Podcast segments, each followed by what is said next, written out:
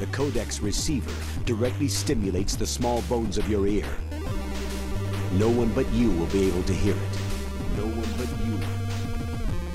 Stay a while and listen. Nerdeprat.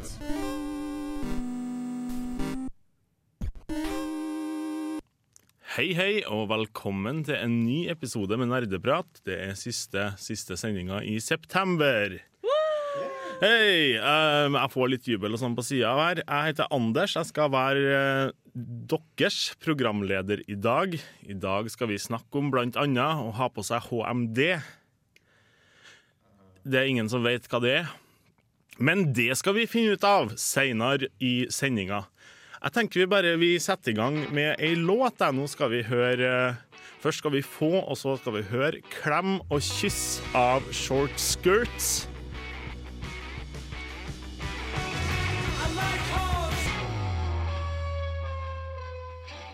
Smaka med noen små ormer. Radio Revolt, studentradioen i Trondheim.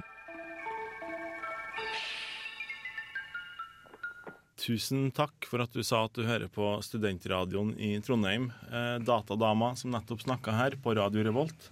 Vi har nettopp hørt eh, en låt av Short Skirt som heter Hugs and Kisses. Med meg, Jeg står ikke her helt alene i studio i dag, selv om det kanskje høres litt sånn ut. Uh, veldig trist. Der vet du, får vi en ny stemme med oss. nei, hei sann. Chris, ja, deg? Jeg kom så vidt ifra Jeg kom så vidt levende i live fra USA. Var nesten stuck der. Det var moro. Du sier i levende live. Hva var det egentlig som skjedde?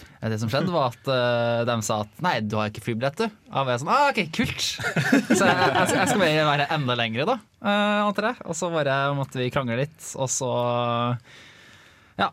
Det får gå en liten stund, og så gikk det fint. da For dere som ikke har fått med dere, så har jeg vært i USA i to uker for å besøke foreldrene mine. For de har bestemt seg for å bli ekstremt utilgjengelig. Eh, og det er egentlig det jeg har gjort de siste par ukene. Å være der. Og nå er jeg helt døgnvill, og jeg vet ikke, egentlig ikke hva jeg sier. Så Men var de glad når du kom på besøk?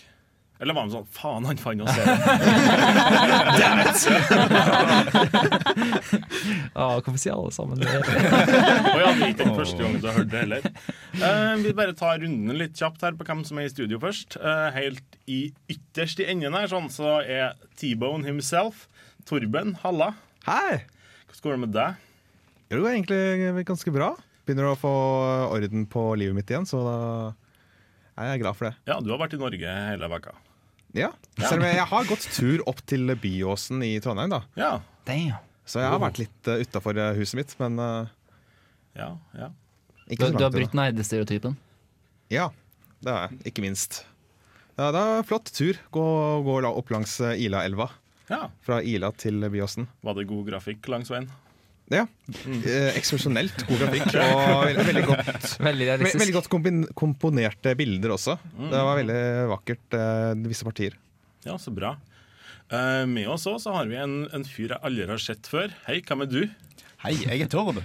Hei, Tord. Hvordan liksom mest på kleinest mulig måte hilse på noen? Hei, nerdprat. Hei, uh, Tord. Nei da. Uh, Tord er med oss i dag fordi Fordi Chris inviterte meg med. Ja! og så var Ja! sånn, ja, dette gjør jeg. Eh, Selv om jeg aldri har vært med på radio før. Så bare, ja, hvorfor ikke? Ja, det blir jo sikkert kjempekjekt å være Ja. her med disse fire folk, fem folkene. Jeg i to det timer. Vi er, vi er fire pluss deg. Det er for så vidt sant. Yay, Tord. eh, Tord er vår matteekspert her i dag. Men han er jo også i sitt eget selskap, da. Ja. Ja, ja, Det er sant. ja. Men, men har du vært i utlandet, Tord, eller traff du på Chris og inviterte han deg etter at han kom hjem fra Amerika? Eh, Jeg møtte på Chris i dag, og Å, da å. inviterte han meg. Ja, så bra. Jeg faktisk banka på døra hans og vekket den i morges. Oi. Det han faktisk. I kollektivet. Ah, ja. Hver gang jeg, hver gang, hver gang jeg sier uh, jeg og Tor bor sammen, så er Tor litt sånn I kollektivet! I kollektivet! Sånn hver gang. Det er ganske viktig å er- spesifisere. Ja, ok, da. Greit. greit. Og jeg bor da over Tord i samme kollektiv. Og i samme kollektiv så bor det vel én person til som òg er i studio. Eller har jeg bomma helt nå om hvor du bor hen, Åse Maren? Jeg har flytta. Ja. Uh, hei, forresten. Og jeg bor nemlig Jeg har flytta til Atme Teknobyen. i et leilighet, jeg har døpt Vatikanet. Jeg bor der alene i en leilighet med seks hybler. Jeg venta at du skulle si seks katter. Åh, I wish. Nei da, eh, Grunnen til at jeg er litt sånn frekk nå, var at jeg, det kom meg for øre litt tidligere at i morgen, 1. oktober, så kommer det gjennom et lovforslag som gjør det at det er lov å harselere med folk. Var det sånn? Eller at At uh, du kan ærekrenke folk. Ærekrenke folk, sånn var det. Eller injurie, som det heter på fancy-schmancy. Ja. Det har vært ulovlig fram til nå, å æres... Ja, liksom å krenke æren til noen og liksom eh, spre rykter om dem. Har du, sånn. har du hørt, hørt det internettuttrykket 'i anal'? Som i 'I am not a lawyer'? Nei. Nei. Jeg vet ikke helt, men det bare kom meg for øre. Akkurat at det var sånn. Oi. Ja. Sånn, Men Chris, uh, har Ja. du spilt noe i det siste? Uh, Jeg spilte litt i går eh, når jeg kom hjem, for det er jo bylt en spillrigg til eh, sånn 20 000-30 000, så jeg må jo bruke den til noe. Eh, uh. Eh, det, jeg har er gjort, jeg har spilt enda mer Metal Gear Solid 5, Mm, eh, og fortsatt like overraska og skuffa over det. Syns det er et dritbra snikspill. Eh, Det dårligste Metal Gear Solid-spillet, pga. at det har en ganske dårlig historie. Men det har ikke hindra meg å bruke sånn 200 timer nå på det. Ja, sånn. For Sist gang du var med i programmet, så sa du sånn 'Jeg har spilt i 70 timer'. Eller sånt, det du sa? Ja. Og da hadde det gått sånn fire dager siden. Altså, Du har trappa ned spillinga litt, da. Ja, jeg var borte, da. Ja, jo, jo. Trappa ned. Satt og telt dagene frem til jeg kom tilbake og kunne spille mer. Dro til Amerika på detox fra Ja. Det var den virkelige grunnen. Og så, kom, og så, for, så, så foreldrene mine meg og så bare Å, nei! altså, nei da. Det er moro. Spilte litt Super Mario Maker også. Oi, Det du òg? Jeg også. Det var veldig moro. Det er litt digg at du kan lage dine egne. Men det er så irriterende med at det er så mange som lager sånn tidenes verste baner. Er sånn, jeg, kan, jeg kan holde til høyre, og så er jeg i mål. That's it. Jeg var sånn Dude, prøv det. Det, det jeg Prøv det, tenkte, altså Man burde egentlig gi banene sine litt mer sånn navn som gjør at du vet hva du forventer. Og de fleste banene da burde hete Because fuck you, that's why.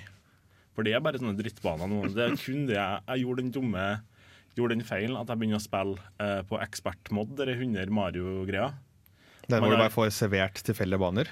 Du har 100 liv, og så får du kun baner som har en sånn gjennom Altså det er kun under 5% av folkene som har klart å komme seg gjennom en bane her. Ja. Og det er jo for at banene er aids. Det er ikke for at de er bra designa, det er bare for at de er Ja. Men det jeg tenker også, vet du hva Jeg hørte på et podkast her om dagen at vet du hva, som har, noe som har gjort Mario Maker enda bedre, hvis jeg har funnet en, funnet en sånn funksjon sånn at du kan sette sammen på en måte spillelister av baner som er bra.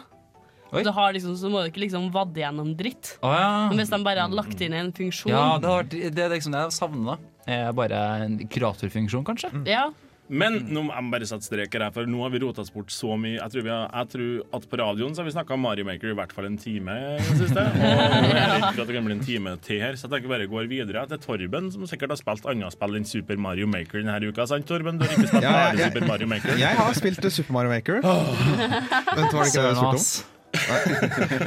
Vel, jeg har også I går så lasta jeg ned en eh, ny versjon av Shovel Knight.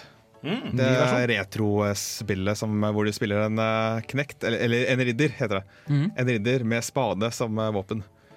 Og i den eh, nye DLC-en, som har kommet ut gratis for alle, så kan du også spille som en av bossene. Han ene, han eh, magikeren, eller noe sånt. Plague Knight heter han. Uh. Så da kan du etter å ha fullført spillet med som Shovel Knight, så kan du spille gjennom spillet på ny som eh, Plague Knight. Og det er en slags remix av spillet. Så de har, han spilles helt forskjellig fra Shovel Knight. Han, er, eh, han hopper eh, ikke så høyt.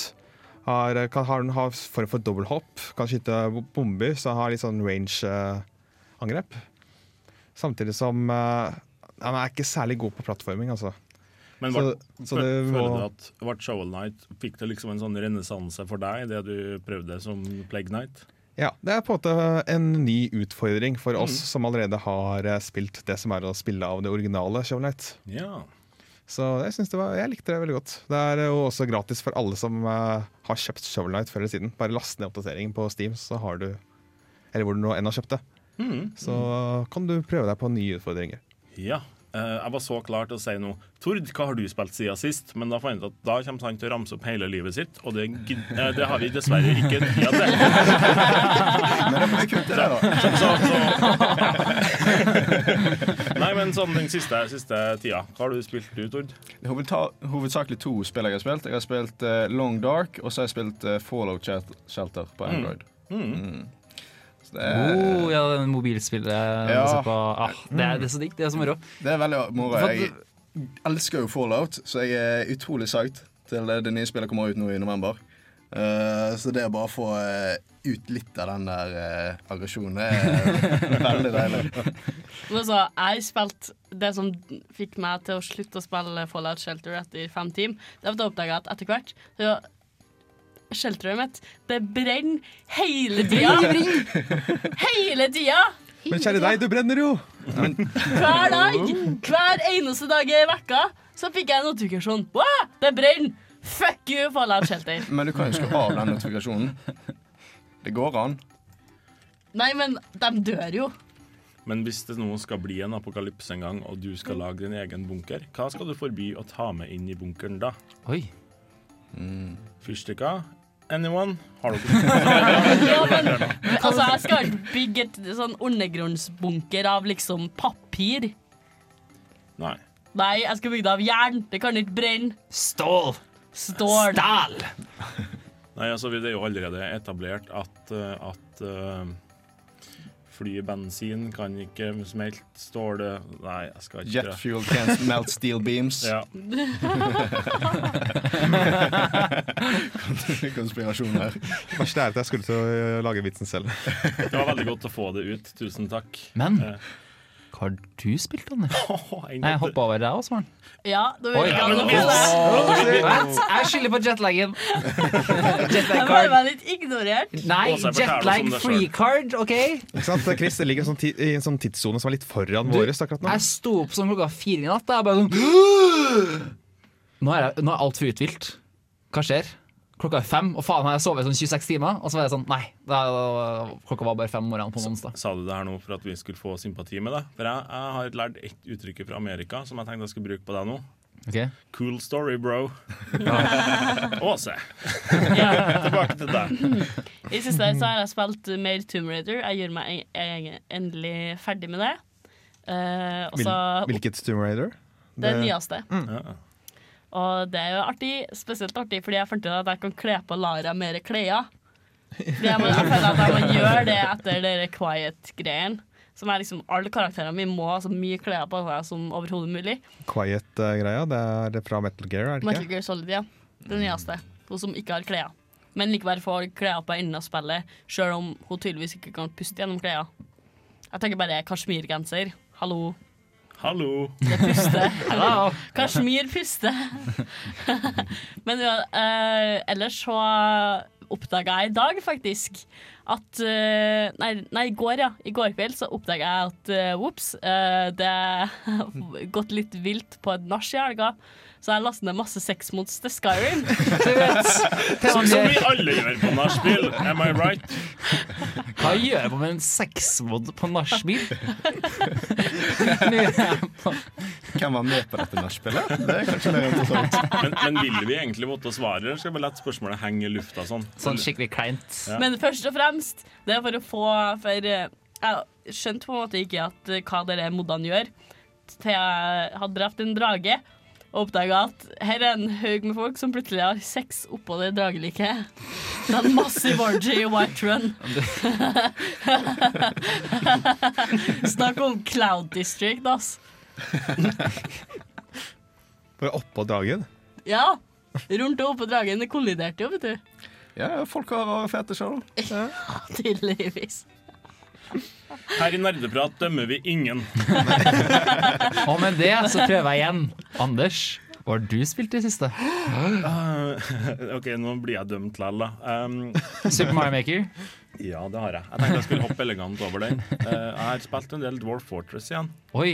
Det, det er tekstbaserte RPG-spillet? ASKI-grafikk. Aski-grafikk, ja. Og så- Det er ikke en RPG så mye som det er liksom Forvirring. strategi. Okay. ja. Eller en virtuell eh, slags virkelighet, fordi at det simulerer jo sinnssykt mye.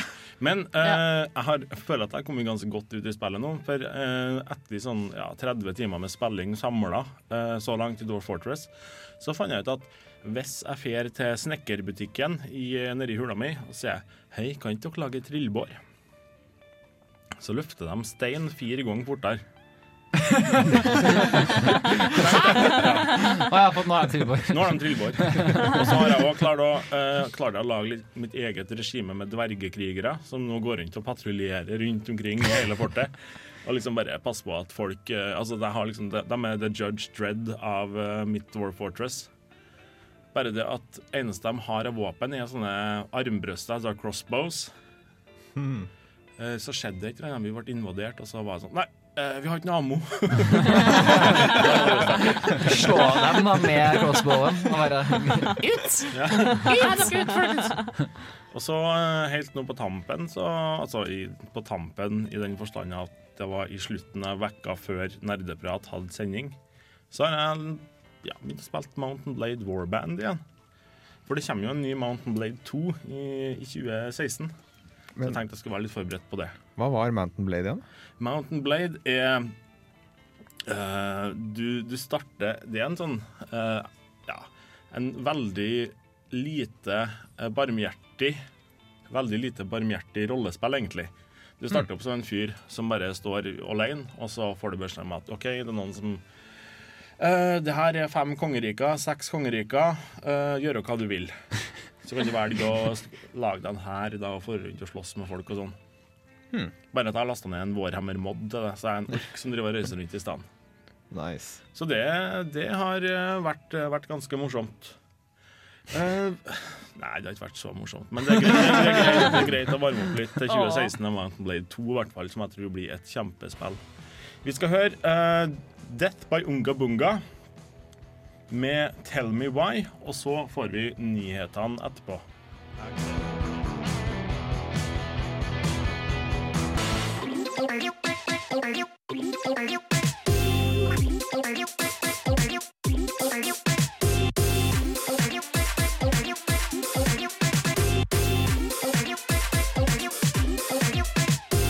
Nerdenytt.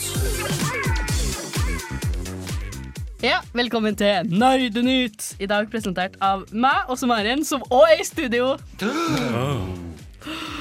Først og fremst, det er en veldig stor nyhet. Dette gleder iallfall meg veldig mye. Twitch har endelig runda Dark Souls. Hvordan i helvete klarte du Dark Twitch har Souls? altså kommet seg lenger i Dark Souls enn jeg har. Og Bård har. Men hvordan i helvete har den kommet seg gjennom Dark Souls? Det er jævlig godt gjort. For, at det, okay, for det her er sånn Når du mener at Twitch har unna Dark Souls, så er det samme opplegget som med andre Twitch Plays, med at du har Folk taster inn kommandoer i en chat. Og så tolkes det av en, eh, et program, og så tar, tar man den bevegelsen i spillet. Ja. Og de har vunnet en av de vanskeligste spillene nå til dags med Bossen, det. bossen tok fire Nei, 43 timer. Og Nei, Men den... 43 dager, faktisk. Men det er en liten modifikasjon de gjorde Oi. eh, med programmet. Okay. Slik at eh, Jeg mener å huske at det er et eller annet sånn at den tar noe pause og sånt, og så og så velges det en kommando. Ja, at det ikke bare er sånn at alle kommandoene gjøres, men at det er et utvalg av hvilke kom- kommandoer som gjøres. da. De Ja, det prøvde sånn- vel først, gjorde de ikke det, og bare kjørte den sånn i, at de kjørte det i real time eh, med, med chatkommandoer, men så fant jeg ut at nei, det går faktisk ikke. Ja, men nå er det kanskje sånn ministemming. Sånn at det som har mest, det går gjennom. Og det blir jo problematisk når chatten er sånn ja, tre-fire minutter bak spillet, så det blir liksom sånn kommandoer skulle ha gjort for sånn tre minutter siden. Sendes først nå. Ja, for det er jo, det er jo, et, eh, er jo et eh, stort problem skal være at det er såpass stor delay. Sant? Og, og selv om jeg ser noe som skjedde for 30 sekunder siden eh, i virkeligheten, så kan jeg at nestemann som sitter og kommenterer, eh, for han så er det 40 sekunder siden.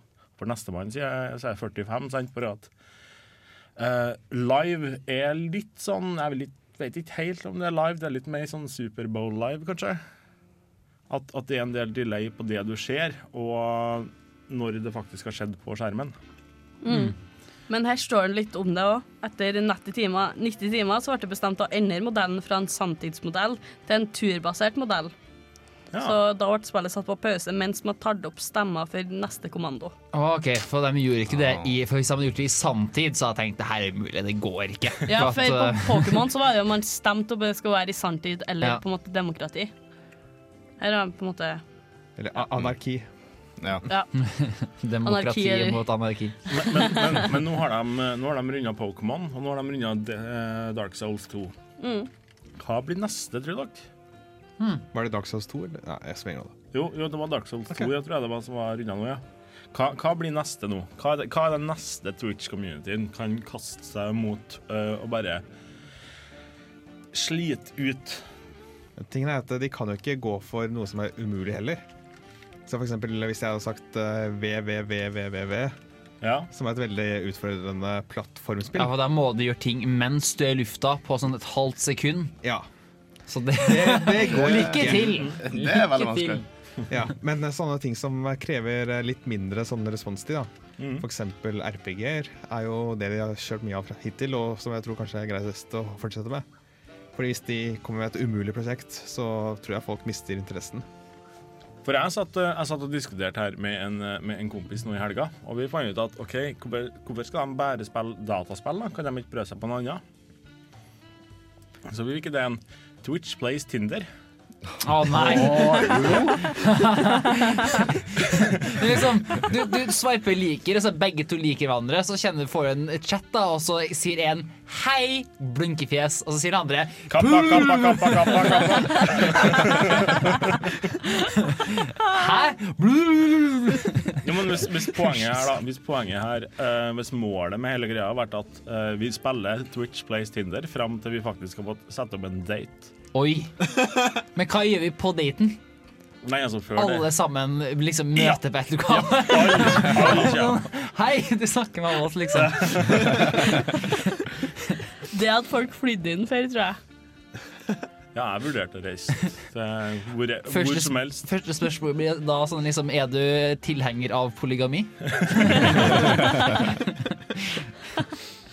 Nei, men eh, vi kan gå litt videre til noe litt, eh, litt mer spillrelatert. Kremt. PlayStation 4 har fått en oppdatering. Jaså, hva de har oppdatert? De har nemlig oppdatert at du kan, nå kan streame til YouTube. Og legge ut tisekunders klips direkte til Twitter. Og at du kan ta screenshot i PNG-format. Yeah. Yes! Jeg kan jeg ikke spille på konsoll. ja PNG er veldig fint format. Det er, sånn, det er veldig flott for datagrafikk. Men jeg synes det er veldig kult hvordan de har gjort det sånn at det er noe mye lettere enn noensinne å bare dele alt. Liksom, det er jo en trend som du ser i PC, og som du ser på litt på kons men det er som alle konsollsidene også, at det er skikkelig fokus på at nå skal streaming og alt støtte for det et must. Hvis ikke du har det på konsollen eller tilgjengelig på grafikkortet ditt, eh, da, er det, da veier det mye mindre enn noen før, da. Og det at de får til da, at du tar streaming samtidig som du spiller, synes jeg er veldig imponerende. For det er egentlig ganske grafikktungt å gjøre det. er fall, Ja. Selv på riggen min liksom sliter jo hvis du skal ta på høyeste kvalitet, så vil den ha problemer. Uh, og det er for at de, PS4 klarer, eller Sony klarer å skreddersy maskinene sine på en sånn måte at de kan jo få han til å yte det meste ut av det. Ja, Ja, for det er jo det som er spennende, er direkte deling fra, fra Altså, de har jo hatt det til Twitch tidligere, har de ikke det? På, Ja. på PlayStation. Men jeg syns fortsatt at hele greia der er veldig interessant, da. Um, den eneste konsollen jeg har, er jo en VU. Eh, og der er det litt vanskelig å dele på Twitch, uh, eller å laste opp bilder, punktum. Ja, For å laste opp bilder så må du ta, gå inn på Mirrors, og så lager du et post der. og Da kan det hende at du får lov til å legge ved et bilde. Og Så kan du gå inn på PC-en din og så se den samme Mirrors-posten og så oh, laste å, Oh, å, å, Torben, jeg har kanskje ikke hatt en VU like lenge som deg, men jeg har et triks til deg og alle våre lyttere. Oi. OK. Uh, du trykker på hjem-knappen du har, du har Altså, hjem-knappen er jo den som setter ting på pause i tillegg. Ja. Sant? Uh, straks du har et bilde du har lyst til å bruke, så går du, trykker du på hjem-knappen, og så går du på Åpner du nettleseren, så går du til imgur.com. Da kan du faktisk laste opp et direkte der. Men det er fortsatt jævlig mye mer stress da enn å Trykker på en knapp, og så er det boom. Ja, sant. Vet jeg. Nå, også når det kommer til det med PlayStation til Twitch, så har jeg oppdaga det at det er ikke så veldig god kvalitet på det. Og så, hva forventer man egentlig av en PlayStation, skal du si? Ikke være, ikke være liksom sleng dritt om PlayStation, men det er veldig vanskelig å få til høykvalitetsstreaming, da. Jeg ser ganske mye som har blitt sluppet fra PS4 på stream. Altså. Det er ganske bra. Er det? ja, ja, det er faktisk overraskende ålreit. Altså. Du får ikke liksom høyeste høyeste kvalitet med 60 bilder i sekundet, men du får relativt god. 4,60 FPS. Tingen er jo at eh, Sony kan eh, ha har sikkert laget en egen enhet som sitter der bare, bare for å være streaming-enhet. da. Så Liten dedikert brikke eller maskinvare eller noe. i hvert fall. Det er, igjen, Sony har Den fordelen de har med å ha sin egen konsoll, er at de vet akkurat De kan planlegge på forhånd hva skal vi gjøre med den, og da har mest sannsynlig streaming vært i tankene ganske lenge. Og så er det bare å slippe konsollen med alt av hardware først, og så kan du eventuelt skrive kode og lage effektive algoritmer og alt etterpå. Mm. Og så bare Å, hei, her er en oppdatering med Nå kan du streame, vær så god. Uh, så er det den, liksom. Så har du enda et argument og enda grunn til å kjøpe PS4. Ja. Så det er jo kjempesmart. Neste nyhet. Eller hvis, har du noen flere nyheter? Vet du Det er hva, altså er- eh, overraskende mange nyheter i dag, faktisk. Å, kan vi få en nyhet til? Jeg skal bladde gjennom dere. Nå er det jo Vær så snill! Jeg vil, jeg vil, jeg vil, jeg vil!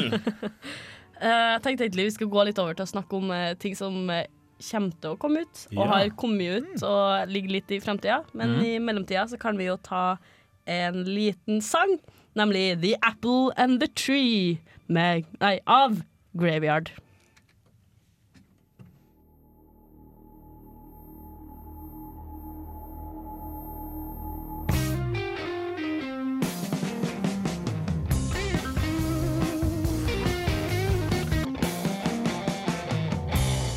Ja, snakke om heftig musikkspilling. Rockband 4 kommer ut 6. oktober. Fader, ass! Jeg kjente det blir sånn plastikkhelvete igjen. med derre- Sett en gitarsolo her. Men er folk faktisk gira på Guitar Hero? For jeg, Men, men jeg- det jeg lurer litt på, at jeg kjenner her liksom til å bli en sånn greie med sånn favorittspill. For til meg, når jeg har et favorittspill, da, så tenker jeg liksom at å, fy faen, nå er det lenge siden jeg har spilt Metal Gear Solid 1, for eksempel. Så plukker jeg det opp igjen, og så begynner jeg å spille det, og så tenker jeg sånn Ja, det var litt kulere før, liksom. Og så slutter man egentlig litt sånn halvveis uti, og så er det ikke så kult likevel, og så var det liksom litt bortkasta. det er jo tusen eksempler på akkurat det der. Men jeg tenker, Ja. jeg tenker tilbake til, til rockband og Guitar Hero og alle dere. Nå skal vi spille på instrumentfolkens eh, spillene. Hva er egentlig appellen med det? Jeg syns ikke det er kult i det hele tatt. jeg. Hva faen? Ikke, ikke i det hele tatt. Nei, OK. Uh, nå er det ingen andre enn dere i studiet som ser det her, men jeg har i gjennomsnittet store hender. Og du vet hva de sier om folk med store hender? Vet dere det? Hva sier de om folk med store hender? De er ikke så gode til å spille Guitar Hero. Oh, det er det de sier. Ja. Excuses, excuses. Jeg henger ikke med i det hele tatt. Jeg har um, Nei, jeg får ikke det til, og derfor er det heller ikke noe spesielt artig. Så eh, det er faktisk på det punktet at når Guitar Hero er på det mest populære, og jeg vet at folk kommer til å spille Guitar Hero på forspill og sånn, så sitter jeg heller hjemme og drikker og bygger Dwarf Fortress. Nei, jeg gjør ikke det. Ikke. Poenget her er at jeg, jeg syns ikke det spillet er artig, men jeg er veldig glad for at dere kan ha det artig. Men jeg kommer ikke til å komme og ha det artig på dere. Eh, dere kan ha det artig på min bekostning. Vet du hva, det er jævlig depressivt. Men eh, jeg lurer litt på om, på om, eh, om jeg er så gira bare fordi at jeg ikke husker alle de tingene jeg ikke likte ved rockband, men at jeg bare husker de gode tingene. Ja. Jeg har tidenes kleineste rockband-minne noensinne. Ja. Uh, og det er, fra, det er faktisk den samme kvelden som jeg skaffa meg hybel i Trondheim første gang. Nei, altså, for veldig long story short, det var en uh, jente som var altfor lita. Altfor på, og mens vi liksom satt og jamma, da, ikke sant, hadde skikkelig moro da med en sang resten av oss. Og liksom jeg skulle være vokalist, da. Og så kom jeg rett bort og bare sånn syrkvinna midt i sånn vers, da. Og folk bare 'hva faen?! Jeg sånn, jeg mener ikke det her! Stopp! så hver gang nå, hvis noen spiller den sangen her på rockband, så er det sånn faen.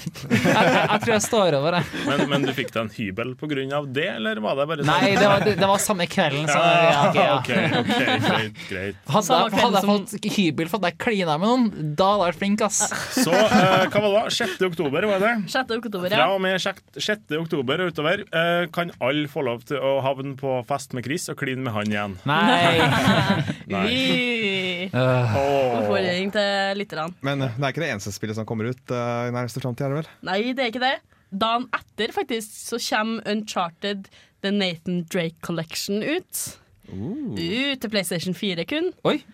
Men er det, er det HD-versjonen av Uncharted fram til nå? Eller hva? Ja, okay. Det er de forrige spillene. Altså. Det er tre Nathan Drake-spillene. Så man må fortsatt skaffe seg PS4 for å spille Uncharted. Ja. Det Men uh, jeg, jeg, det frister faktisk litt for meg å skaffe meg en PS4. For jeg, jeg hører så mye bra om Uncharted-serien. Ja, men det skal jo liksom være en av altså det er, Jeg tror er noen av oss som har spilt Uncharted her i studio akkurat nå. Jeg tror ikke det. Eller jo, du har gjort det, Tor. Uh, jeg har spilt Uncharted. Hva syns du? da?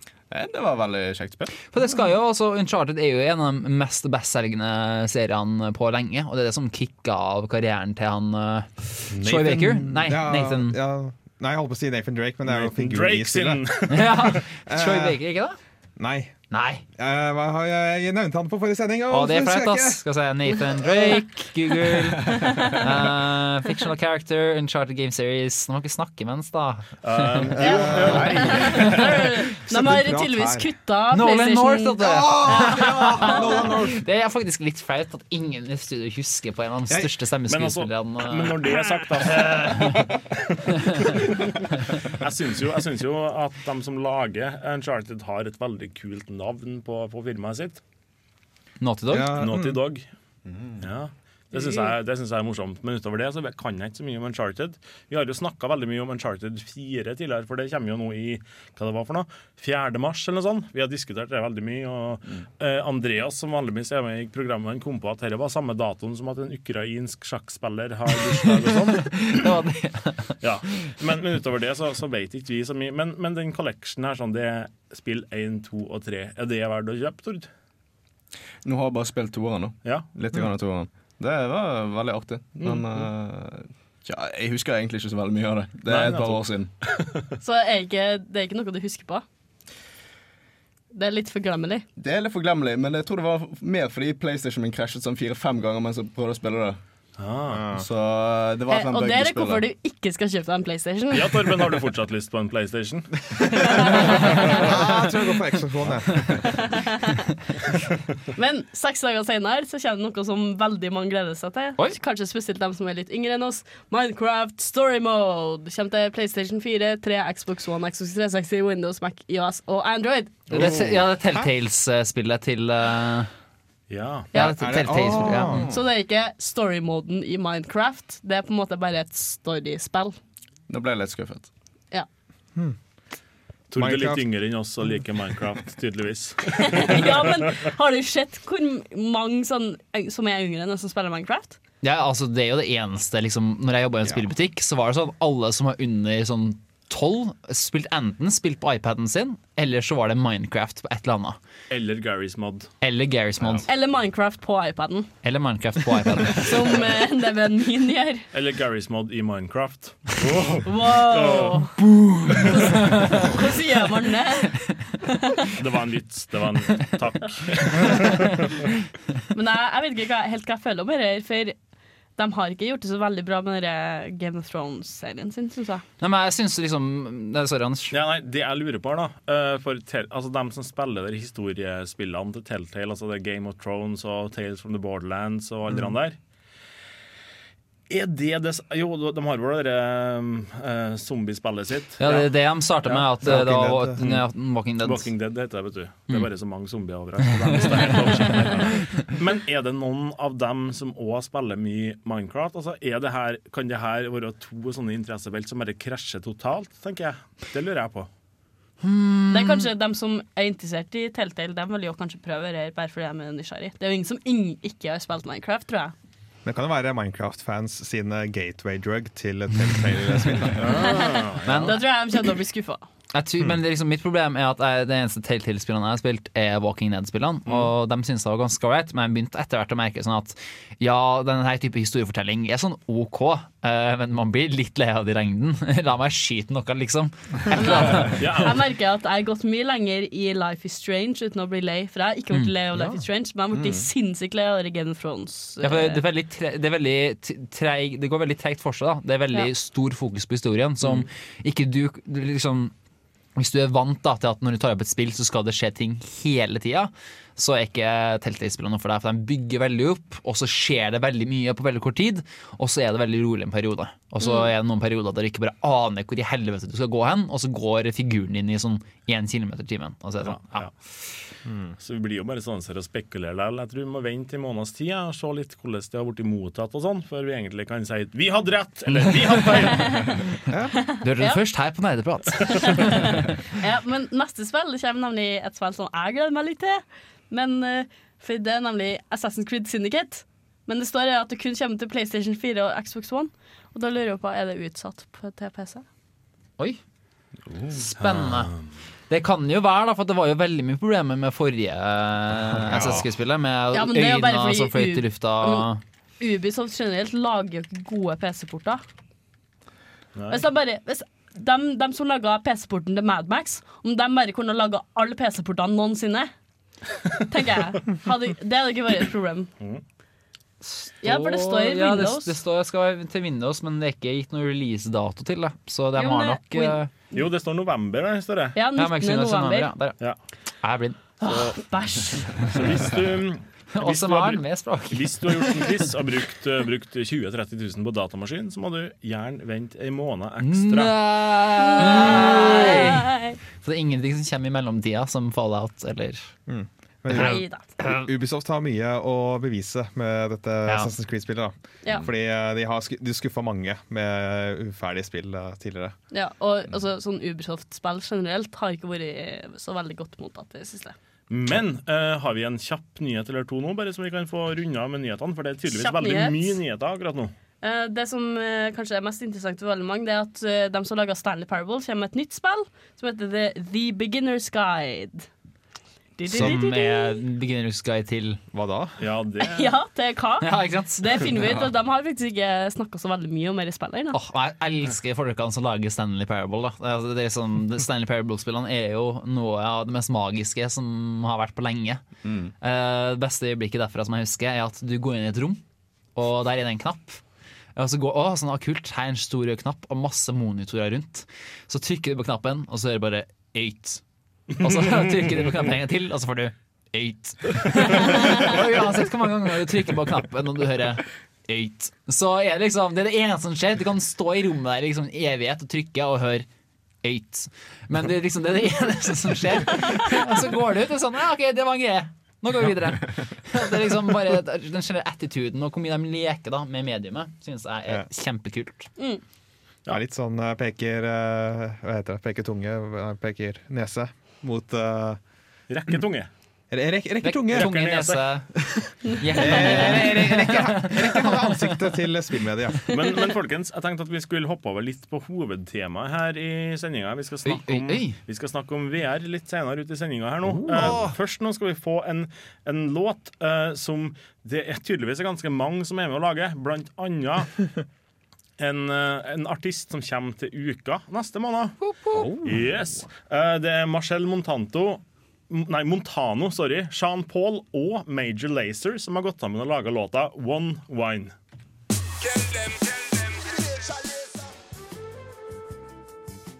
Forskning påviser at ti av ti italienske rørleggere blir tilfredsstilt av nerdeprat på Radio Revolt. Radio Revolt. Mario's favorite. Ja, var ikke en fin måte å gå fra, gå fra Jean Paul ja, sant? Og rett på Mario, og rett på meg igjen. Hei!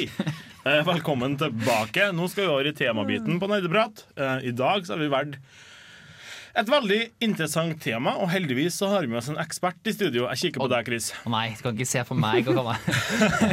sånn fem minutter for sending. Du, en av oss kan noe mer. Jeg har hørt litt om det. Men hva er det vi skal ha sending om, da, du som er ekspert? Ja, nei, Det som eh, vi skal ha, ikke som ikke-ekspert, bare som person person som liker det litt. Uh, VR, virtual reality, er jo virtuell virkelighet, som det kalles på norsk. Ja, går jo rett og slett ut på at man, man bruker noe utstyr, eh, en vanlig form av briller, til å bli en del av spillverdenen. da. Mm. Da skal hele spillverdenen genereres inn i brillene. For hvis det, Du har jo noen produkter, Microsoft eller for eksempel, lager noen produkter nå, der du ser enkelte ting i virkeligheten. Bare at du putter på kanskje la oss si, en skjerm da, på vinduet eh, med masse info. Og Hvis du bare legger til noe i den virkelige verden, så er det augmented reality. da. Det er også sånne AR-kort. ikke sant? Putte et kort på en neser, og så plutselig ser det ut som at noe popper ut av kortet. og så... Sånn som var på Skjønner. Nintendo 3DS. Nintendo 3DS hadde for eksempel de kortene der. Men så augmented reality, det går under begrepet VR, det òg. Jeg, jeg, jeg vil si liksom det er litt samme tema. eh, for at uh, Det skjer veldig mye bra der òg. Microsoft hadde den Minecraft-demoen for ikke så lenge siden. Der Ja, bare, på, på E3. Ja, der de bare s- På et bord så bare sånn ah, jeg vet hva, Nå skal vi spille Minecraft på det bordet. Og så raser alt sammen. Og så bare sånn ah, Hva skjer nå? Og så plutselig så ser man liksom Ser man en stor del av spillverdenen på bordet. Og man kan manipulere det da bare med bevegelser. Og så ser du også andre folk som sitter der og spiller. Ja, Så kan du liksom gå rundt bordet, og da kan du se andre sider av den spillverdenen. Og liksom Ja, det, det, det så veldig fett ut. Det skjer jo kjempe Altså, jeg har, jeg har ikke prøvd noe sjøl, men jeg har bare sett Altså um, alle har jo sett bilder av folk som har på seg sånne, HM-er, som det er så fint heter som står for Head Mounted Display. Altså det er de svære brillene som alle har på seg sant, i filmer og sånn. Uh, så det er jo egentlig den referansen jeg har. Det er det forholdet jeg har til VR.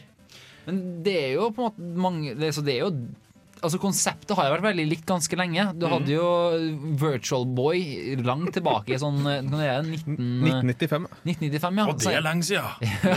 da jeg var ung. Men det var jo samme året som Hackers hadde dere, dere Brillene. Brillene, ja. Hackers. den The Plague i Hackers. Det er en veldig kjent sånn kult, kultklassikerfilm. Der Ah. de eh, snakker veldig mye om Det er sånn Hvis du ser for deg at noen som ikke har holdt på med datamaskiner Mm. hvis din 80 år gamle bonemor har prøvd å være jævlig kul om datamaskiner og sånn, og latt henne vite hva liksom sånn Red Hat og sånn var, Ja. og så setter du en film. Da er du hackers. Og det er jo en film der du får se puppene til Angelina Jolie. Hvor gamle er hun i den filmen? Men altså, det, det som er litt kult, da, er at det, det har vært tydelig ganske lenge at det her med virtuell virkelighet, at man kan sette seg inn i en virtuell verden, er noe folk har lyst til å gjøre lenge. da. Problemet har vært at teknologien har aldri egentlig vært der. eh, For at det største problemet med Virtual Boy for eksempel, det var to ting. Det ene var at det var fryktelig upraktisk, grafikken var dårlig, og alt i spillet, eh, i spillet var rødt. Og folk fikk hele tida hodepine av å spille. Ja. Og det er noe som har vært et ganske stort problem nå også. Du har fått vel, det som er kult nå, er at de siste par årene så har veldig veldig mange sagt at nå skal vi lage et VR-headset. Uh, og det er mange svære produsenter. Uh, mange skal lage sin egen versjon. Enten så bruker du smarttelefonen din, eller så bruk, eh, skal lage seg helt egne briller. Men det er veldig mange som har lyst til å få det til.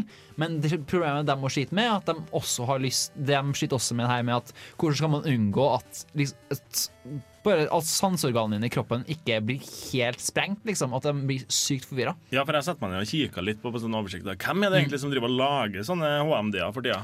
Oh. Og, og da, da fant jeg Altså, du har jo Oculus Rift. Den er jo ganske kjent. I tillegg så har du jo den PlayStation VR som vi snakka om på et tidligere program her, som tidligere heta Project Morpheus. Ja, og så Eh, bytta og han til bedre navn. Ja, eller et mer intuitivt navn, i hvert fall. Ja. Altså, eh, og så har du jo òg HTC Vive, var det visst en som heter. Ja, det samme. Og så Samsung Gear VR. Ja. Samsung, Gear, yes. Jeg kan, Jo, eh, hvis jeg bare kan legge til en. Google har jo laga en som er laga av papp. Oi. Men det er altså mobilprodusentene, det som er som, hovedtrekket med dem, inkludert Samsung GVR, er at du på den nye smarttelefonene med dritstor skjerm og kjempehøy oppløsning, bare putter det inn i en slags brille. Google sin tilfelle papp, og Samsung lager en som er av plastikk som ser kjempefuturistisk ut. Og så kjører det bare et program. Uh, som så eller så lager en VR-opplevelse. Disclaimer. Uh, futuristisk betyr ikke nødvendigvis kult, bare så det er sagt. Fordi måten det funker på, da, er at du får ett bilde til høyre øye, og så ett bilde til venstre øye. For at du da kan eh, på en måte føle at det er i 3D. Fordi at eh, de, måten du ser dybdesyn på, er jo at bildet som eh, ditt venstre øye får, er eh, forskjellig fra det, det som du får på høyre øye. Mm. Så det er jo noe, av- det er noe av grunnen til at du skal ha dette headsetet helt på, på ansiktet. For at du skal eh, ha 3D-effekten, men også for at du skal kunne være en del av spillverdenen. At du ikke ser noe annet enn det som er i spillverdenen. Ja. Det syns jeg gir nye muligheter for, å, for innlevelsen i spillet. Ja, for det er jo sagt at folk blir sånn eh, hvis du har kjørt en sånn eh, berg-og-dal-bane, f.eks., med sånne 3D-briller. Mm, Oh, det er ikke 3D-briller, men sånn, et sånt VR-headset. Ja, det er gjort. En HMD. Blir du kvalm? Eh, Du, du blir veldig svimmel av det. For Ja. det som er at kroppen er Det er det som er liksom største problemet til uh, utviklere av det her, er at kroppen er kjempeintelligent. Selv om du ikke beveger på det, så vil kroppen prøve å tolke det rundt deg, av synet og det du hører og sånt. Så om spillet er sånn relativt OK bra lagd, så vil du liksom få skikkelig intense spilleopplevelser. Og det er jo ganske store problemer du kan se på YouTube nå også, sånne store youtubere som Markiplier, som blir så fysisk utslitt, eller psykisk utslitt, pga. at det er så intenst. da. Så sånn Skrekkspill, eksempel. Folk friker helt ut, for det virker så ekte. Når du, når du, for at i vanlig skrekkspill så kan du bare snu hodet ditt, og så er det borte. ikke sant? Du kan holde deg for ørene og sånt. Snur du deg mens du har på et VR-headset, så er det fortsatt en verden der. Du ser bare bak deg, og da blir det kanskje enda verre. Ja. Og du har, liksom, du har enkelte produsenter som tenker at å, men hva om vi fester en pulsmåler på her, liksom? eh, hva, og, og, og så oppdager jeg at når du merker at du får høy puls, vel, nå skal vi fucke med det her, liksom. Eh, så det blir ikke bedre. så det, det er mange bekymra for at spilleopplevelsen kommer til å bli for intens, da. Rett og slett. Så utrolig tøft. Det er, ikke- det er ikke alt fra det, det kommer til å bli kjempetøft, men det er problemet altså det, vi- det kommer til å være voksesmerteperiode. Og den, s- Vi har jo snakka mye på Nerdeprat og tidlig Kontroll til om VR-headset før. Og det største problemet som er, er problemet med overbevisning. Eh, Fordi at Hvis du skal lage et overbevis, altså hvis du skal klare å overbevise om at det her skal virke ekte, Er det ordet immersion du er ute etter? ja, immersion, ikke sant? Mm. Uh, For, hvis du skal få til det, så må man bruke i veldig mye arbeid. Du må Mm. ha veldig mange bildepunkter, du må ha høyt detaljerte modeller, og så mye datakraft at det er nesten urealistisk. Mm. Så langt, iallfall. Da skal du ha en ganske mye mer enn en vannkjørt PC til 20 000. Du skal faktisk ha mye mer enn det for at det skal være så realistisk. Jeg tenkte at vi skulle gå litt tilbake i tida og, Ja. se, og se litt sånn på hvordan, eh, hvordan det hele starta her. sånn. Ja. Uh, først, uh, før den tid, så skal vi, skal vi få litt, uh, litt søt musikk her på Radio Revolt. Ja. Eh, jeg tenker at vi setter i gang og hører Gumbo av J Rock. Og så får du Søvnløse netter av Beglo meg etterpå.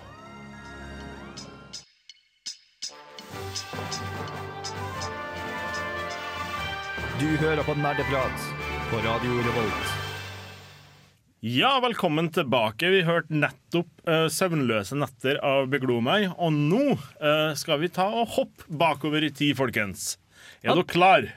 Ja! Å, så mye respons! Skal vi, skal vi spille en sånn, eh, dok, sånn Dr. Who, sånn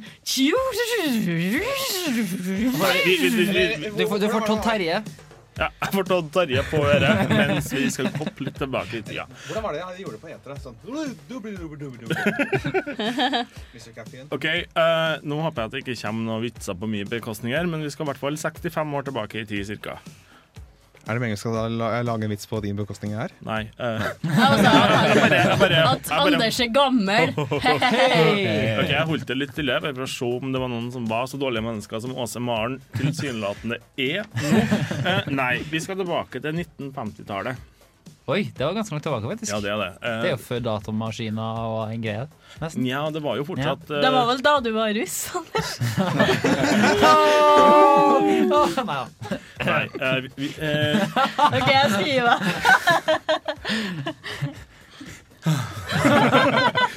OK. eh, har, eh, hvis, jeg, hvis jeg bare slenger ut et navn her. eh, Ja. Douglas Engelbart. eh, det høres det kjent ut? Ikke egentlig. Nei. Er han oppfant den beste musa som finnes? Datamusa. Yes, Oi! det har vi. Ja, Douglas Engelbart han er den eh, moderne datamusas far. Eh, men han har òg stått for en del andre ting. Han, eh, på 50-tallet var jo han en nyutdanna elektroingeniør og radio, nei, radartekniker, han. eh, som jobba litt innenfor Forsvaret og sånn. Mm. Og han fikk, seg, fikk en sånn tanke om at OK, vi har jo disse datamaskinene på størrelse med hus. eh, de, er jo, de brukes jo bare til å rekke den på ting. Hva om vi kunne ha fått datamaskinene til å gjort noe mer? uh, ja. Fast forward ca. ti år. og da var det flere som begynte å gjøre seg opp tankene her. Hva om vi egentlig kunne ha fått datamaskinene til å bare vise ting, i stedet for at de bare regner om på ting? sant? Her er, her er, det er litt sånn, veldig litt artig. Uh, vi hopper fram ti år til. Eh, da, da var det jo Da, da begynte det å dukke opp altså VR begynte å bli en sånn greie. da At folk eh, eh, Det var ikke bare en enkelbart som tenkte det. Det var ganske mange som har kasta seg på den ideen der i løpet av de siste ti Ja, årene. digital verden. Du har jo for eksempel har hatt filmer, jeg vet ikke om det var akkurat da, men du har hatt filmer som eh, Tron også, ikke sant? Som Ja. leker seg veldig med tanken da. Hvordan det var å ha en digital verden. Star Trek hadde jo holodekket! Ja, eh, og, Ja. Ja! og pluss at den første Star Wars-filmen kommer i 70, nå var det 76, 78, jeg vet ikke. Late. Ja, uansett, eh, 70-tallet så begynte det å skje ting, da. Eh, det ble annet utvikla en sånn dataglove. Det vil si en hanske du trer på handa.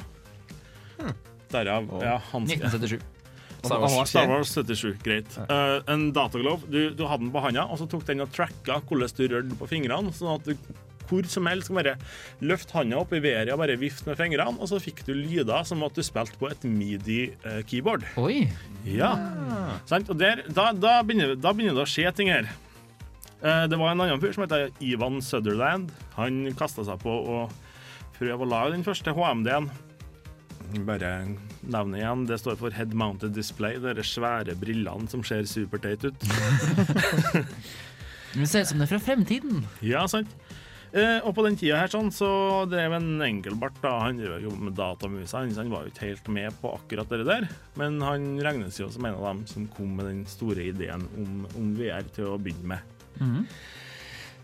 80-tallet vet jeg egentlig ikke så mye om hva som skjedde, men på 90-tallet så var jo det var jo på en måte flysimulatorene sitt tiår, det. På mange måter, altså. Jeg har tatt en liten sånn brainstorming blant folk i studio her, og det er mange som sier Super Mario og Mario og Mario og Mario, og så begynte vi å snakke om Mario Maker og bare rota oss bort igjen. Men flysimulatorer var veldig populære på 90-tallet, og den joysticken som man Altså sånn, en vanlig sånn joystick, det var fast inventar den at med alle PC-er som hadde en, eh, en tenåring eller en unge i dataspillalder. Ja, eller en pappa som bare Ja, jeg ble ikke pilot, for ja. jeg gjorde andre ting eh, når jeg var på ungdomsskolen. Eller en Men mamma nå- eller en datter. Ja, uansett. Så lenge det var noen som var interessert i spill, så spilte de mest sannsynlig flysimulatorer. En, ja, ikke hele tida, men det var i hvert fall et eh, Det var mye mer flysimulatorer enn det var andre spill på markedet. Var det på en måte var flysimulatorer 90-tallets Euro Truck Simulator? Ja. Ja Ja! Minus ei, altså. årslønn i DL-sida. ja. Skyt i hofta. Så, så um, Det er ikke alt som har vært like, like bra uh, som når du holdt på å snakke om Virtual Boy og sånn, Chris. Mhm. Det er ikke alt som har vært like, like great success. Nei. Men, men nå begynner det å gå inn i en ny periode. Det, det virker som at eh, folk har fått smaken på det igjen. Og, eh, men VR har faktisk eh, holdt til i arkader før også. Oi. Da hadde du f.eks. for eksempel Pac-Man. Hadde en eh, VR-versjon. Oi. Oi! Så du liksom så ut av øynene som du ikke ser på Pac-Man? Jeg, jeg, jeg vet ikke åssen det går an, men eh, Og smaren, vet Ja, men det var et eller annet spill som jeg så her om dagen, der du liksom tar på deg sånne briller, og så spiller du Pac-Man IRL. ja. Ja, sånn at det liksom skjer sånne dotter på, på liksom veien og sånn. Men, altså, da er det, men da er det augmented reality, altså vi ser ting i den virkelige verden? Ja. Eller virtual? Ok, Så du ser ting Det er veldig kult. Ja. De klarte du gjøre det så tidlig. Nei, kanskje ikke så tidlig, men uh, jeg jeg har sett I noen research på det. Det er jo faktisk. i nyere tid. Men du har jo òg ikke bare ikke sånn HMD-er, men også at du har eh, eh, Som de bruker bl.a. i flygerutdanning. I hvert fall, de, de har vel gjort det på et eller annet tidspunkt at du har ca. Jeg vet da faen jeg hvor mange det er, men det er sånn veldig mange skjermer som står bortover. Så du har i hvert fall en sånn 180 graders eh, synsradius. da. Eh, det er jo på en måte litt det samme, det òg. Ja. Er det jo, for du, du er jo altså Greit, du ser jo skjermene, og du kan snu deg og gå på do og bare se hvordan toalettet ser ut, sant? Men, men samtidig så, så eh, blir du mye mer med i verden da òg. Ja, Og ikke minst fordi at det er flysimulator. Mm. Fordi at eh, da kan du, har du på en måte kroppen en uh, forklaring på hvorfor du ikke kjenner uh, så mye Ja. På en måte Du kan uh, Litt av bevegelse på flyet på den stedet du sitter, og det er liksom nok til å overbevise kroppen om at OK, ja, dette er virkelighet. Mm, det skal ikke så mye til. Mens andre, som der, for eksempel i stedet som i Tyskland, sånn, så bygger de sånne svære bygg der du har sånn ball i midten som helles opp av masse vaiere, som drar deg til sida og bare slenger deg inn i rommet da, mens du spiller. Vet?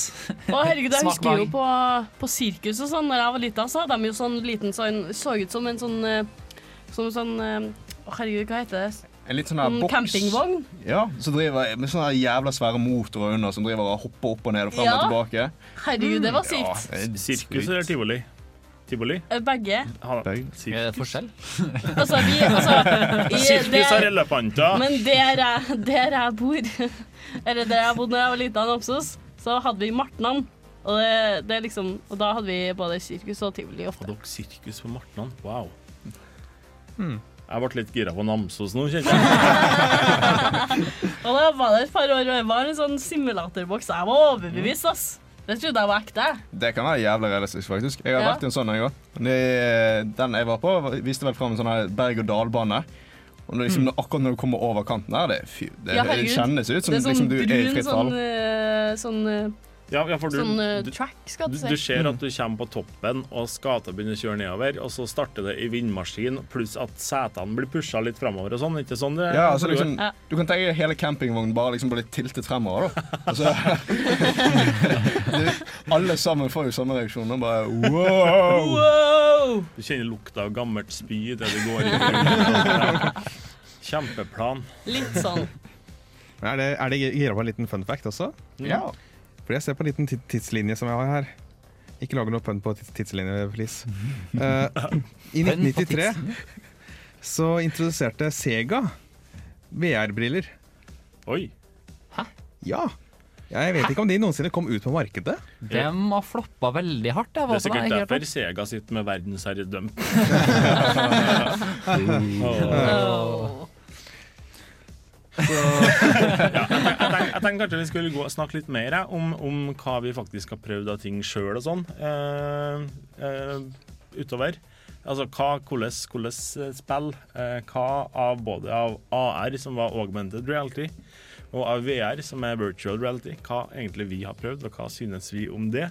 Eh, først, eh, før den tid, skal vi høre eh, å, herregud. Noen ganger så dukker det opp et ord på en skjerm som jeg ikke klarer å uttale. Jeg skal prøve å gjøre det. Det er Circadian Ridden. Ja!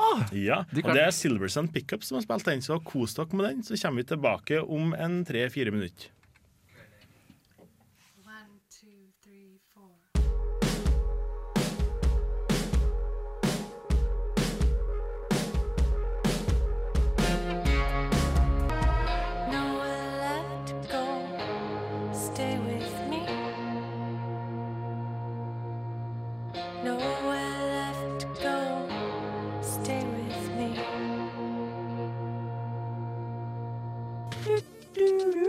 Nerdeprat på Radio Revolt. Ja, da er vi tilbake igjen. Jeg skal ikke prøve å uttale navnet på den låta en gang til. Jeg er veldig fornøyd med første gangen, men det var i hvert fall Silverson Pickup som hadde den låta, og i parentesen bak så heter den Last Dance. Ja, vi har snakka om eh, virtual reality. Eh, om hva, hva er det for noe, hvordan har det blitt til det det har blitt i dag. Eh, vi har også snakka litt om augmented reality, som du nevnte i starten, Chris. Yeah. Som ikke er det samme som, som virtual reality, men det at det blander litt sånn mediumene likevel. Virkelighet og eh, datavirkelighet. Eh, Spørsmålet mitt til dem i studio nå er har dere prøvd noe? Har dere noen erfaringer med noe enten VR eller AR? Vi har jo snakka litt om det i forhold til sånn tivoli, sirkus, berg-og-dal-baner og sånn. Ja, det har faktisk nettopp det jeg har prøvd. Ja. På Norwegian Game Awards uh, kickoffen uh, sist år. Så i, altså i fjor. Mm. Så borte på Scandic Lerkendal, da var det en sånn de demo. Oi, var vi på samme event? Ja. Før Oi. dere ble kjent. Før vi ble kjent? Skjebnen. Fordi du og Bård var konferansierere? Nei, Andreas. Andreas. så- Andreas. Ah. Og så ble vi fanga av Darth Vader, og så danser vi kleint i scenen på ti, i ti minutter, og så sa vi ting.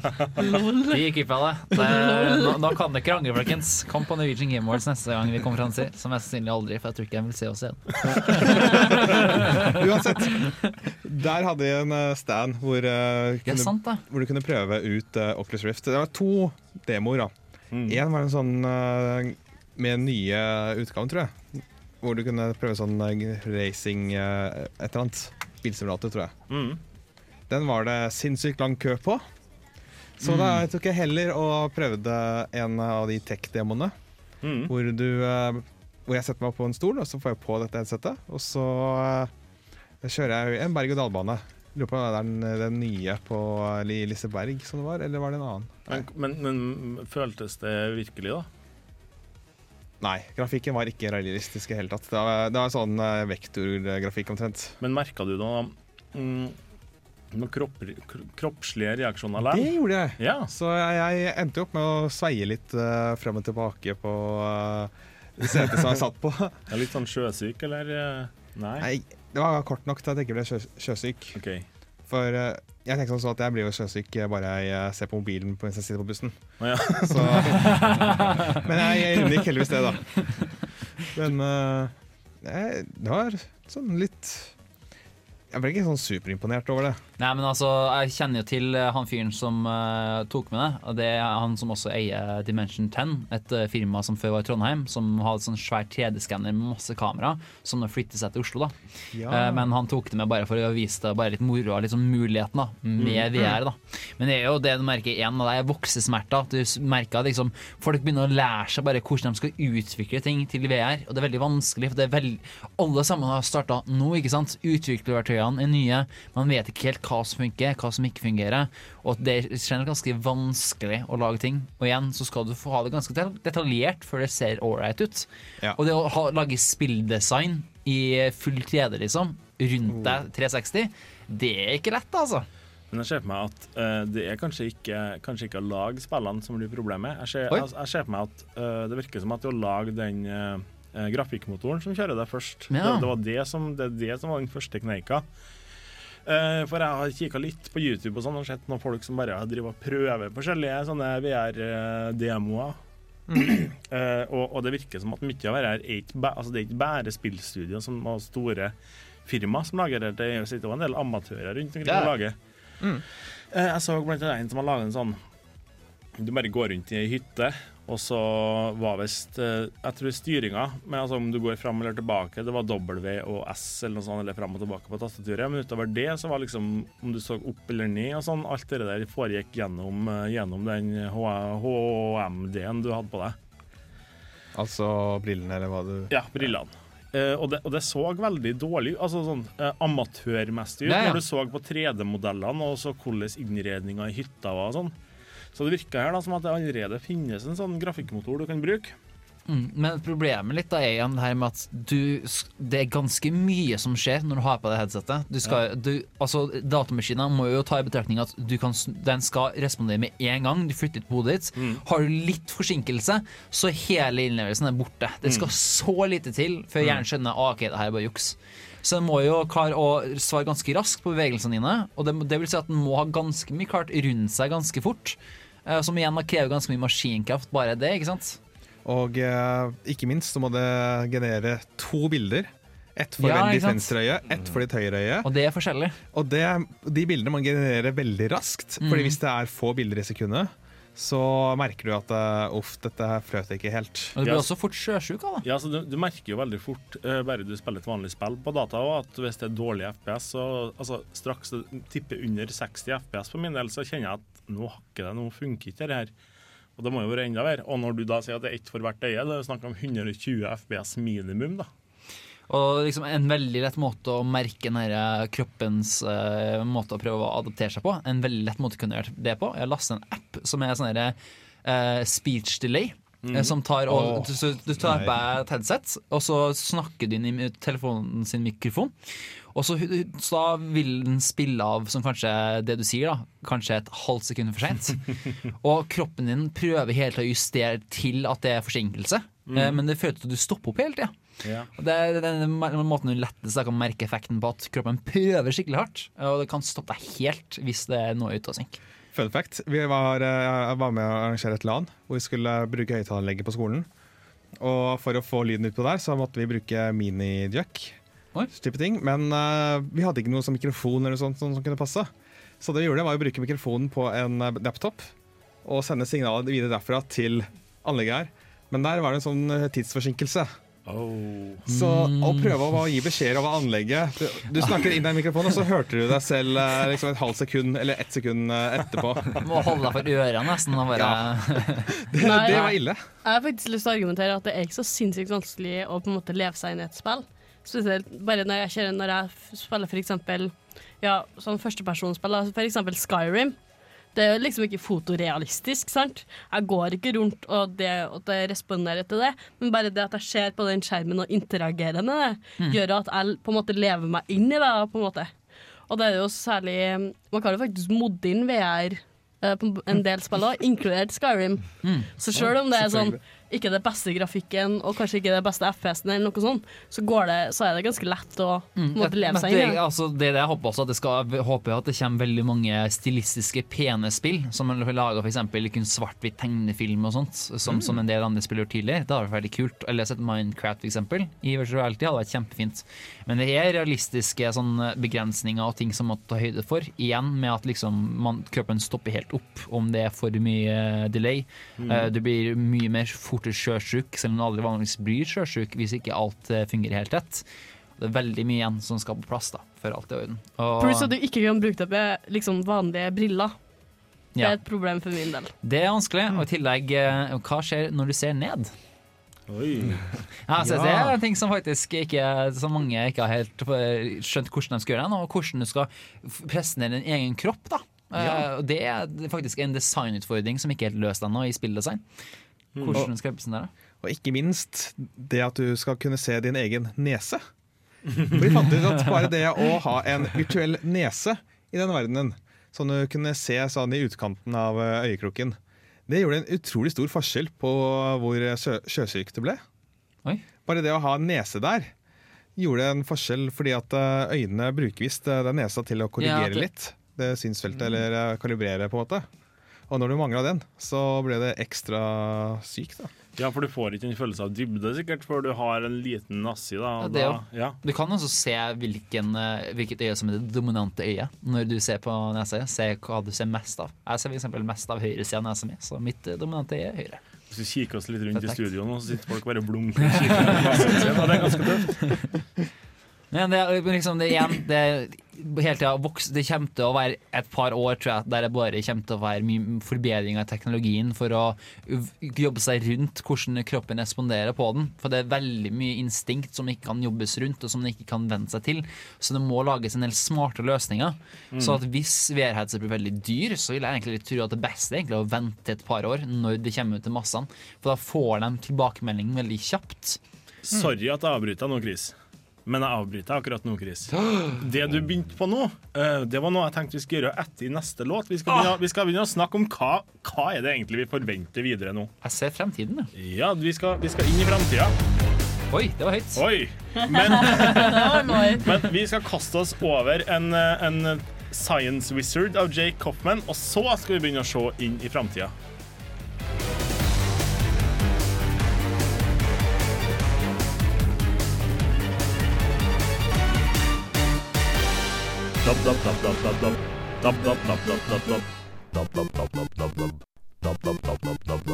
Nerdeprat er på DAB-radio.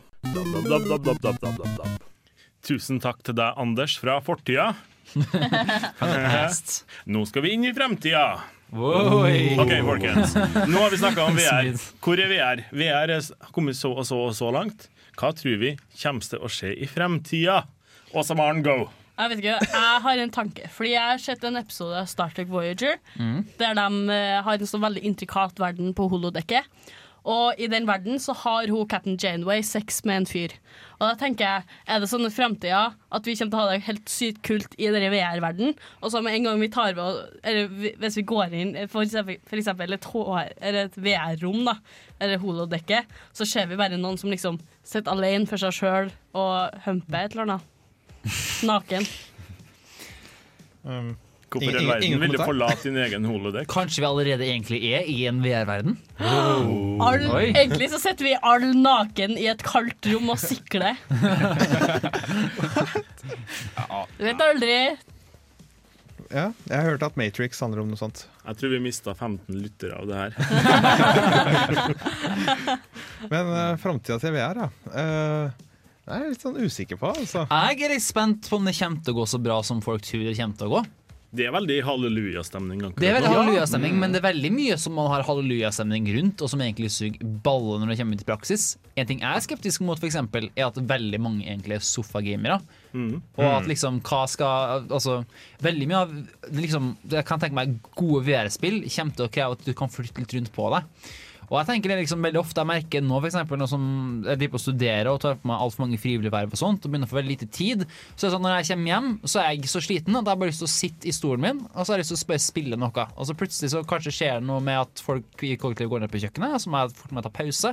Mens med VR ikke sant, så må du ta på deg briller, kanskje må ta på deg sånn hansker sånn at du får hendene dine med i det virtuelle rom, og masse ekstrautstyr og sånt. ikke sant? Det blir plutselig mye mer upraktisk, og så må du røre mye på Du, du må faktisk kle på deg i ti minutter ja, for å få til å spille. Ja, Så jeg lurer på om det kommer til å bli en byrde. Eller at liksom, jeg føler nesten at teknologi må bli på sånn punkt at du bare kan At det blir like praktisk da, som PC. At du bare trykker på en knapp, og så plutselig så bare whoop, kjenner på en skjerm da foran fjeset ditt. Og så Ja, og ikke minst må du ha et eget dedikert rom til dette. her. Ja. Altså, du, hvis, eh, jeg kan tenke deg at eh, De fleste av rommene våre er kanskje ikke ryddig nok til å bevege seg kanskje mer enn en halvmeter i hver retning. Eh, Så man må jo kanskje da også dedikere et eget rom for å kunne spille ordentlig virtual reality? Jeg har en løsning på det her. Okay. Eh, Det altså, eh, vi alle er jo kjent med 3D-mølla. Antar jeg. Ja. Ja. Eh, Hva man har ei 360 graders 3D-mølle? Altså, som- du Det vet noen som, som har tenkt på det allerede. Ja, du vet sånne baller som du står inni sant, på Ekstremsportveko og sånne ting, og så bare ruller, sprenger du inni en sånn ball. Og hvis du gjør det med sånne VR-briller på i tillegg, så har du jo på en måte Du trenger ikke å bevege deg i det hele tatt, annet enn at du beveger på ballen. Ja, for det er det jeg er mest spent på. Det å liksom ha en motivasjon til å Jeg tenker VR kan være en dritbra motivasjon for å trene. Ja. Hvis vi har et sånt Ja. tredemøllegreie. sant? Det tror jeg faktisk eksisterer. som sånn Det gjør det allerede. Det er noen Ja. som har laga en sånn antistatisk plate. Så står det på deg spesielle sko, og så når du går, så oppdager en hvor du beveger føttene dine. Ja. Og så, ja, Og hvor fort du gjør det og sånn. Det er jo helt Mm. sinnssykt kult. Da tenker jeg bare herregud, hvor mye jeg kommer til å gå ned i vekt om sånn 40 år, når dette eksisterer. Og jeg har bare lyst til å dra det enda videre. ok? Eh, en av de spillsjangerne jeg syns er jævlig kul, det er en sånn spillsjanger jeg ser på meg passer veldig godt til VR. Og det er sånn mm, Overlevelsessimulator i multiplayer. Oh, jeg, trodde- trodde- jeg skulle si Shower Dad Simulator. Nei, det er overlevelsessimulatorer type Daisy, Rust osv. osv. Ja. Ja, det er- Oi! Ja, eh, Spennende. Og akkurat nå, per, per dags dato, så har alle disse spillene her standardisert movement speed. Det vil si at alle springer like fort. Mm. Hva om det faktisk er sånn at jo fortere du beveger deg, bare matta, jo fortere springer du? Så bare springer som søren når det kommer Ja. sånn 20 zombier bak deg. jeg er ikke bygd for fart.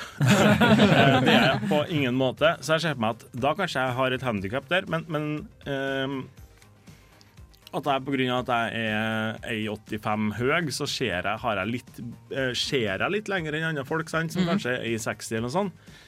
Og at du får en del sånne ting. At de bare er med. det motivasjonen at det springer 20 zombier bak deg. Ja, ja, ikke minst. Og du hører liksom i stereolydbildet at Oi, nå hører jeg zombiene bak meg, faktisk. Å, å, å, å, en, en kompis av meg eh, Han var bestandig vært en sånn fyr som aldri har trena, eller var bare sånn super, eh, superlat. Mm. Um, og det, det var Og så plutselig en sommer så møtte jeg på han, og da har ikke jeg sett han på et halvår, eller noe sånt, og fyren har gått ned alt veldig veldig mye vekt. Og jeg satte meg ned og begynte å prate med han sånn Hei, godt å se deg. Og så måtte jeg jo si ja, det ser bra ut. Eh, hva, eh, hva, hva er det som har skjedd? What's your secret? What's your secret, man? Og det han har gjort, da, han har lastet ned en app som heter Run Zombie Run. Ja! Den har jeg faktisk på mobilen akkurat nå. Mm. Den har jeg brukt. Den funker jævlig bra. Hva, hva er en sånn spesifikt spesifik egentlig gjør? Det, jeg, jeg kan forklare det kort. Det er små lydklipp som er innimellom da din egen spilleliste. Du kan f.eks. legge dette her sammen med Spotify. Ja, ja, ja. Så begynner du spillelisten på musikk, og så får du en sånn kort radiomelding. da. F.eks. du må løpe bort til en base. da. Eh, Så kombinerer han appen dette med GPS-en din, så ser du han hvor langt du har løpt. Eller så kan han bruke det der eh, arg- Ja. Ja. ja, i mobilen. da. Akselerometer. Akselerometer, akkurat. telle antall skritt du har tatt. Ja. Det er et pedometer, det. Ja. Uansett. Eh, Ja, det er jo stort sett det Men det er kult, liksom, det er jo tegn på at liksom, det er veldig mange sånne ting er kult nå. Og det, liksom, det virker sånn at Folk er veldig gira, og folk har veldig lyst til å bli satt inn i spillverdenen, men det må jo også gjøres veldig bra. Og liksom, jeg synes Det er veldig mange produsenter som nå pynter litt på egentlig hvor VR er hen.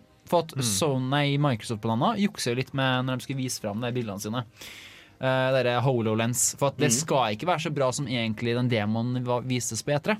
Det skal være mye mer kinkig og veldig mye feil eh, tolkning av uh, hånd, eller håndbevegelser og sånt. Og det er jo det igjen, det, Teknologien er jo et lite eh, anker, da. Det samme er det jo med en Development Kit 2 av Oculus Rift. Der må du ha en ekstern kamerasensor som er plassert et eller annet sted, for at den skal klare å posisjonere hvor du er nå, skikkelig.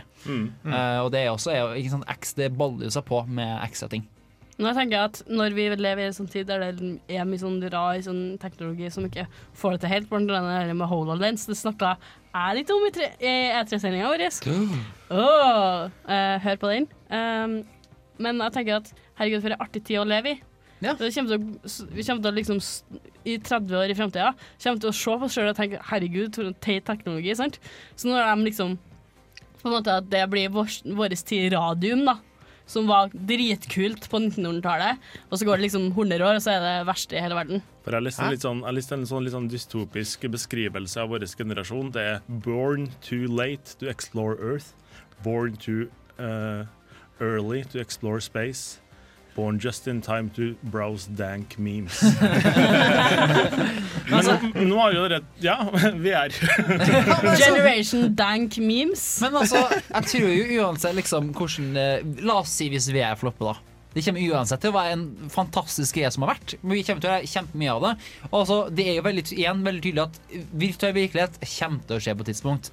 Det kommer til å bli en greie, men kanskje ikke teknologien her ennå. Men da finner vi det ut. Og ikke minst, altså, har, det er mye teknologier her som vi har snakka om, som kun er på en måte noe spill tar i bruk. Eller at de gjøre et spill ut av ting som f.eks. Tord springer fra zombier midt på natta når han er ute og jogger. Men altså, her er jo en fin måte, f.eks. Eh, hvis du skal selge, et, eh, selge en leilighet som ikke er bygd ennå, så kan du Ja. prøvegå i leiligheten. Eh, hvis du skal se porno, så kan du prøvegå pornofilmen, skal jeg til å si. Altså, altså, det, eh, det er jo, eh, mulighetene her er jo endelig. Ue, Ja. Uendelig. Ja, du har jo også oljebransjen, f.eks. Vet jeg at bruker en type VR og sånt.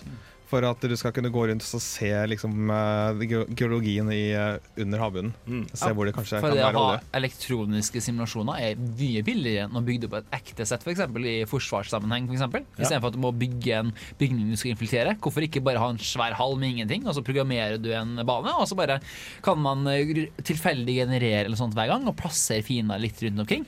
En rogelike militærøvelse. Å nei. Nei, takk. Løp! Løp! Men, det, er jo, det, tydelig at, det er jo tydelig at det er haugevis av muligheter her. Ikke bare opp mot spill, men også opp mot en del andre bransjer. Og det, det tror jeg gjør at det kommer til å bli litt mer pusha på den utviklinga. Mm. Nei, jeg tror igjen det viktigste med en teknologi altså det, Jeg tror det er veldig make it or break it. Jeg tror det er en veldig kul teknologi, men det, det betyr ikke at den kommer til å bli en god greie med en gang den blir ut på markedet. Jeg tror det er veldig viktig at veldig tidlig så må produsenter gjøre, det, tek, gjøre teknologien billig. De må gjøre den veldig allmenn, så du må ikke bruke masse timer på å fikse programmer og sånn, sånn type hvis du skal modde. Det må veldig nesten plug, plug and play. Og jeg tror den største massen du kan få, er hvis du får tenåringer og kanskje mindre til å bli skikkelig gira på det, og så eventuelt eh, få foreldrene til å kjøpe det inn, og så blir foreldrene gira på det, og så får du en svær masse. da. Eh, det, altså, jeg tror det kan bli veldig bra, men igjen, det krever at det er et marked. Og det markedet er det litt allerede, men eh, jeg tror nok det lett kan bli skuffa og forsvinne også. Vi får se. Ja, jeg tror kanskje markedet brer seg også utenfor spillverden. Sånn Ja, som vi tar også. inn på, på olje og sånn. Og der er det potensielt store investorer som eh, kan pushe inn masse penger og mye ressurser. Statoil blir- VR. Ja. Kanskje det blir en greie. Til slutt så driller vi virtuell olje. Jeg må, ha sett at de allerede We got the technology. Så har sett at de allerede har en del av teknologien der. sånn Uh, Så er det jo ingenting i veien for dem å bare ha lyst til å videreutvikle den, og så kanskje ender vi opp med en, faktisk en standard innenfor hvordan ting fungerer. Og altså sånn gra altså selve grafikkmotor eller noe i den duren, tenker jeg. Ja, men for å lage en standard så må vi først ha masse erfaring. Så Ja. det, jeg tror det, det blir dritkult. da. Syns det er artig. Ja, men det er en sånn ting jeg lurer litt på, fordi at eh, vi har jo på en måte en annen ting som jeg relaterer litt mer til, er eh, 3D-film. Ja. Fordi at eh, 3D-film har jo De starta ganske tidlig. De, hadde, de har noen veldig, veldig tidlige eksempler på 3D-filmer. Men det har liksom kommet i sånn bølger. Liksom Hver gang teknologien har forbedret seg, så har du liksom fått uh, først Kanskje du har fått eh, nå de papprillene, og så nå har vi begynt å få litt eh, bedre 3D-ting. Men likevel, da Avatar kom, så var jo 3D veldig sånn vind og Å, wow! Ja, er det sånn? så kult. Ja, men altså, jeg tenker For med film så er det jo mye enklere. Jeg husker blant annet når jeg var i Disneyland, så så vi en eller annen film, og da var det liksom sånn at for eksempel, det var en scene der det var masse rotter som hadde eh, sluppet ut fra et eller annet. Og da kjente du, og kjente på, på en måte da, Det kjentes ut som de sprang over fotene dine Ja, sånn inni 4D. der kinosalen. Ja. Men uh, tingen med 3D-film er jo at uh, det var jo veldig hypa. Mm. Nesten alle filmer skulle komme ut i 3D. Ja. Men hvordan er det nå om dagen? Det er, det er ikke så Det, det har dødd veldig, og det er egentlig litt av mange grunner. jeg syns 3D har blitt litt sånn, litt sånn gimmick på, på linje med alle snakker norsk nå. At det, det, det. Men eh, det er jo tydelig at kroppen venner seg til en del. For jeg husker jo jeg også, når jeg så Avatar for første gang, så spilte jeg av en sånn Pepsi-reklame før filmen. Eh, og der var en sånn Pepsi-boks som bare spratt mot deg. Og jeg, første gangen jeg så det, der, så var jeg sånn oh! Eh, altså, Min kroppslige reaksjon var å prøve å dodge den boksen. Så, så jeg, tror, jeg tror faktisk kroppen kan venne seg til det men- meste, så lenge den blir eksponert lenge nok for det, så at du blir, blir vant til det. mm. Men kommer, ja, kommer folk til å gidde å høre på Ja, Kommer det- folk til å gidde å eh, jeg mener, kjøpe og liksom investere og ha en sånn VR-headset i hjemmet sitt? Vet du hva, Torben? Det tror jeg ikke vi finner ut på i hvert fall 20-30 år ennå. Nei. Men vi skal jo ha 100-årsjubileumssending for Super Mario. Og det jeg, uh, tror, jeg tror faktisk om 100 år så har vi sånn at vi tar på sånn drakter sånn at vi kjenner ting som skjer i spillverdenen. Og uh, ja, vi, vi må bare vente og se. Vi, eh, I mellomtida så tror jeg vi bare tar oss en tankepause med Jake Hoffman og Broken Perfect. Er det? Men først Super Mario. Er Super Mario først? Ja, Super Mario først! Ja, jeg tok helt feil før vi setter på låta. Det var faktisk Super Mario World Monstrous Turtles uh, Overclock remix av Surcon vi fikk først. Og så kom Jake Coffman med Broken Perfect. Tusen takk for at du redda meg inn der, Torben. Ja, og den sistnevnte Jake Coffman-låta der er det jeg som satt inn, selvfølgelig. Oh.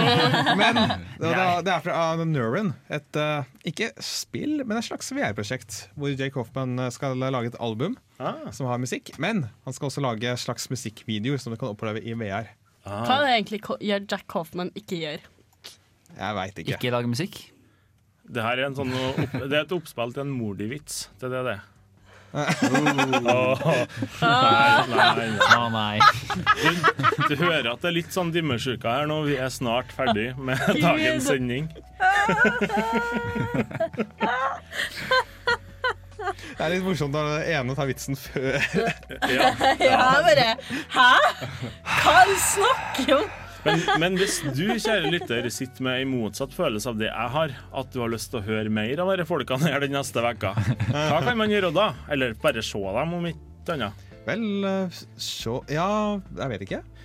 Du kan Nei, altså Du kan jo Ja, altså, det, ja, Vi eh, vet hva vi Du snakker om. Det du kan gjøre, er at du går tilbake i tid og hører på gamle podkaster. ah. Hører på gamle sendinger på radiorevolt.no. mm. Facebook, Twitter. Ja. Ja. Har vi fortsatt Google pluss? Jeg oppdaterer den ikke. Ok. Gud, ja. Jeg, jeg ble litt lei av å snakke til en vegg.